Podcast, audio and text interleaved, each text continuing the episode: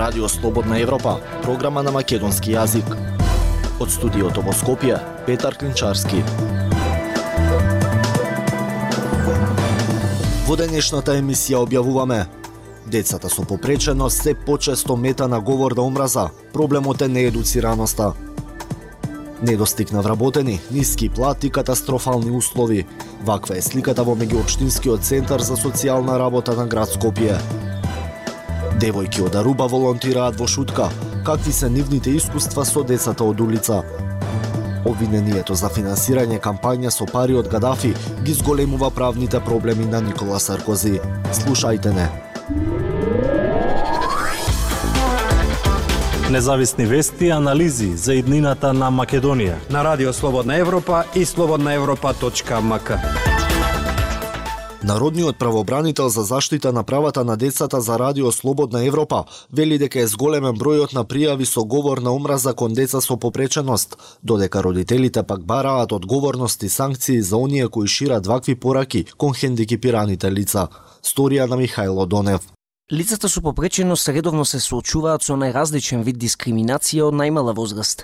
Родителите постојано се нивен заштитник, но како што вели Зоран Мијалков од Штип, чии деца беа мета на вербален напад, време е да се стави крај на оваа голгота.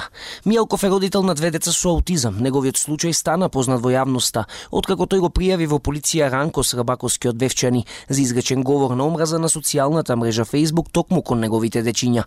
Детската амбасада Меѓеше исто така го пријави случајот до МВР, а Јалков вели оти се надева дека овој случај ќе послужи како пример за војни да не се случуваат вакви напади кон хендикипираните лица, посебно кон најмалите. Поднесов пријава во полиција. Се надевам дека институциите ќе си ја завршат работата, но јас лично повеќе се надевам дека ова ќе послужи како пример во иднина. Тој да се извини веќе да не се случуваат овие работи. Мојата цел не е преку институциите некој да биде казнет, туку да се разбуди свеста кај граѓаните дека лицата со попреченост се дел од нас и не треба да бидат навредувани. Доволно е тежок нашиот живот со овие деца за да имаме и дополнителни стресови, раскажува Мјалков за РСЕ. Покрај случајот со децата на Зоран Мјалков пред неколку дена во јавноста, одекна и веста дека Државниот просветен инспекторат ќе проверува анонимно поднесена пријава за дискриминација во средно техничко училиште во Битола, според која на ученик со џуџеш раст, кој успел да се запише во прва година, му биле вратени документите со образложение дека нема да може да ја врши таа професија. Оние кои се похрабри обично излегуваат и јавно зборуваат за ваков тип на дискриминација на деца, но најчесто родителите немаат храброст да се спротистават на овие работи, затоа што чувствуваат дека немаат поддршка од никого, вели дефектологот Лина Стојческа, посочувајќи давајќи примери за дискриминација и навреди кон деца со попреченост, кои вели најчесто родителите ги споделуваат. Стојчевски објаснува дека овие деца се дискриминирани од најмала возраст, уште во градинка. Народниот првобранител пак за заштита на детските права во земјава, Васка Байрамоска Мустафа, вели дека нема добиено пријава од штипјанецот Мјалков за говор на омраза кон неговите дечиња со аутизам, но таа за РСЕ вели дека постои начин и ова институција во иднина да интервенира и овде. И ние овој предмет со оглед на нашите надлежности можеме да го следиме единствено само доколку станува збор за конкретно поднесување на представка кај народен правобранител, бидејќи се работи за на некој начин навредлива содржина од страна на физичко лице. Нашите надлежности се доколку органите кон кои што е поднесена пријавата за говор на омраза, како што е, например, во конкретниот случај, не превземат мерки по поднесената пријава и тогаш не можеме да се вклучиме со цел заштита на правата. Покрај случајот со децата на Штипјанецот Мијалков и дискриминацијата во техничкото средно училиште во Битола, уште еден случај кој потреса јавноста беше и он од минатата година со 11 годишната Ембла Адеми, ученичка со Даунов синдром која остана сама во училницата во училиштето Башкими во Гостивах поради бојкот од страна на родителите од незините соученици. Дури како јавно се проговори за овој проблем, Ембла да се врати во училиштето на редовна настава. Радио Слободна Европа, светот на Македонија. Вработените во Центарот за социјални работи имаат мали плати, дел од вработените работат во катастрофални услови, а имаат огромна одговорност, вели во разговор за Радио Слободна Европа Изеир Мемеди, директор на Меѓуопштински центар за социјална работа на град Скопје. Тој вели дека откако е дојден, работи на тоа вработените да имаат добри услови за и граѓаните да бидат задоволни. На центарот му недостигаат уште стотина вработени, пред се стручни лица како педагози, психолози и дефектолози. Со Мемеди разговараше Пелагија Стојанчова. Директоре Мемеди, вашата институција имате вие широк, широки надлежности. Имате ли бројка колку луѓе се корисници и која група е најголема? Вкупна бројка на корисници на разни услуги и поддршка на ЕУ МЦСР на крајот од првата 6 месечина од 2023 да, година изнесува околу 54.736 лица од различни категории. Најголем број на лица кои користат помош од нашата институција се лицата кои користат туѓа нега и тоа бројка околу 10.000 и 900 и нешто лица. Но голема бројка и кај лица што примат гарантирана минимална помош.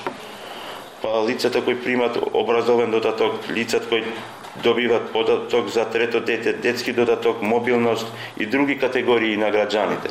Околу 18 илјади граѓани примат социјална помош. Ви недостига ли кадар? Да, не достига кадар овде, дури тоа може и околу 100 вработени не, не достига.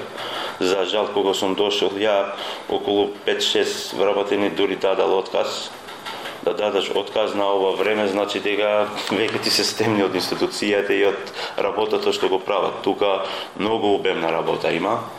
Од сите градови ни доаѓаат предмети, може еден вработен да има 60 до 70 предмети.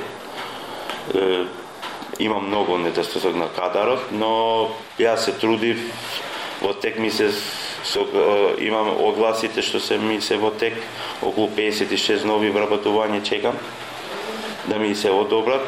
Нема да го постигнам пак бројката, зашто О, да, уште толку околу 100 и нешто фала тука.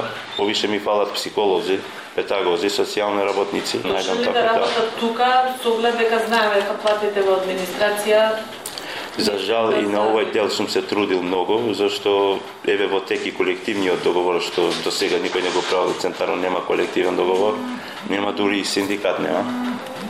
И тоа веќе пред крај сме со добро разбирање со министерката, мислам дека за скоро ќе го подпишеме, подпишавме и колективниот договор.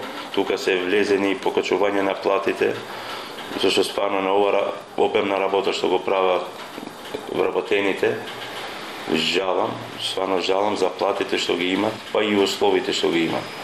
Затоа, од кога сум дошол првиот ден ги видав, ги шетав и центрите, на какви услови работат. Тоа првото нешто што ќе помислите да. на центри за социјална да. работа, на луѓето има оние старите бараки. Старите бараки тоа пред 56 да. година таму, не знам никога, на такви услови да работам на 21 век, на такво обем на работата, основните работи да не ги имаме.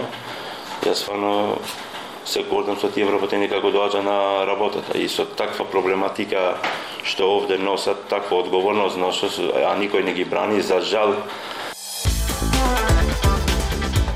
Слободна Европа. Следете на на Facebook, Twitter и YouTube. Емели и Шантал од Аруба имале неколку опции за волонтирање во странство, но ја избрале Северна Македонија. Во нивниот двомесечен ангажман тие се дружат и учат со децата во дневниот центар за деца од улица во Шуто Оризари. Овде, децата кои питачат секој работен ден, добиваат грижа, внимание, оброк, истекнуваат навики, а волонтерките му помагаат на стручниот тим. Повеќе од Емилија Бунтеска Нацоска. Шантал и Емели од да Аруба на два месеца го заменија погледот на плажите со бел песок и розови фламинга со волонтирање во Скопје. Тие помагаат во дневниот центар за деца на улица во Шуто Ризери.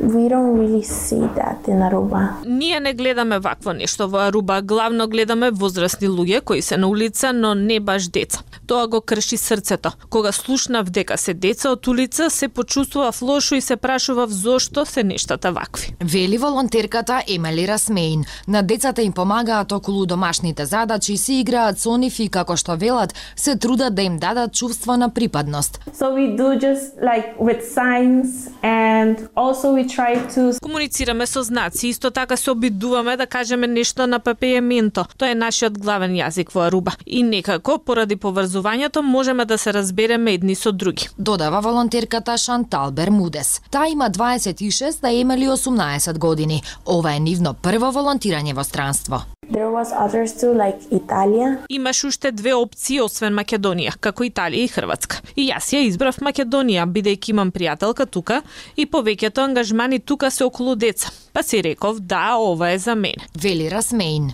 Со какви впечатоци ќе си заминат? We spend our time exploring and we liked what we saw and Го минуваме времето истражувајќи и ни се допаѓа тоа што го видовме. Луѓето се многу пријателски расположени и зборуваат англиски, па тоа беше многу добро за нас. Шопската салата многу ми се допаѓа. Изјави волонтерката Емели. Престојот овде би го препорачале 100%. it's very nice. I will recommend everybody to Одлично е. Би им препорачала на сите да одат не само во Македонија, туку во различни земји. Не мора да бидат многу познати. Тоа може да ти донесе нови перспективи на различни нивоа.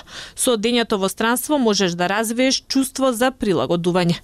Дознаваш како е да се снајдеш со други култури, бидејќи сите се различни. Додава Шантал. Овде ги донела соработката на волонтерски центар Скопје со организацијата CDA Руба преку Европскиот солидарен корпус како дел од проектот Voices, каде волонтираат и во магазин и подкаст кој има мисија да биде гласот на младите. Актуелности свет на Радио Слободна Европа.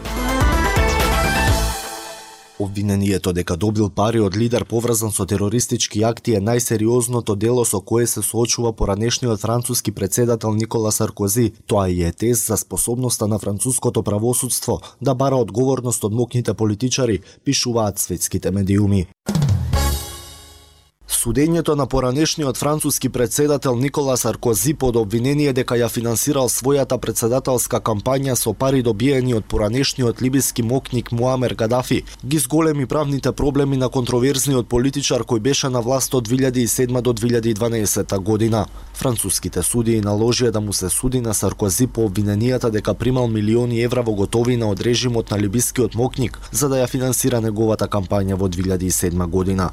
Саркози, кој беше обвинет за корупција и кршење на правилата за финансирање на кампањата, постојано ги негираше наводите за примање пари од Либија, нарекувајќи ги гротескни. Тој е еден од 13 обвинети за случајот на кој ќе им се суди помеѓу јануари и април 2025 година, рече францускиот финансиски обвинител на 25 август по истрагата што траеше повеќе од една деценија. Меѓу обвинетите и Ерик Боерт, плаганик за време на кампањата на Саркози во 2007 година, кој сега е член на парламентот и член на партијата на председателот Емануел Макрон. Обвиненијата за финансирање на кампањата од Либија, политичкиот подем на Саркози, како што пишува да Wall Street Journal, се поврзани со лидерот кој е обвинет за уривање на патнички авион над Локерби во Шкотска и други терористички акти. Наводите првпат се појавија во 2011 година, неколку дена пред западните сили да започнат кампања за бомбардирање, за која се залага Саркози во поддршка на бунтовниците кои се борат против владата на Гадафи. Синот на Гадафи, Саиф, тогаш во телевизиско интервју изјави дека Саркози прво мора да ги врати парите што ги зел од Либија за да ја финансира неговата изборна кампања. Тие обвинувања земаа зама во април 2012 година, непосредно пред Саркози да ги загуби изборите од Франсуа Оланд. Францускиот портал Медиапарт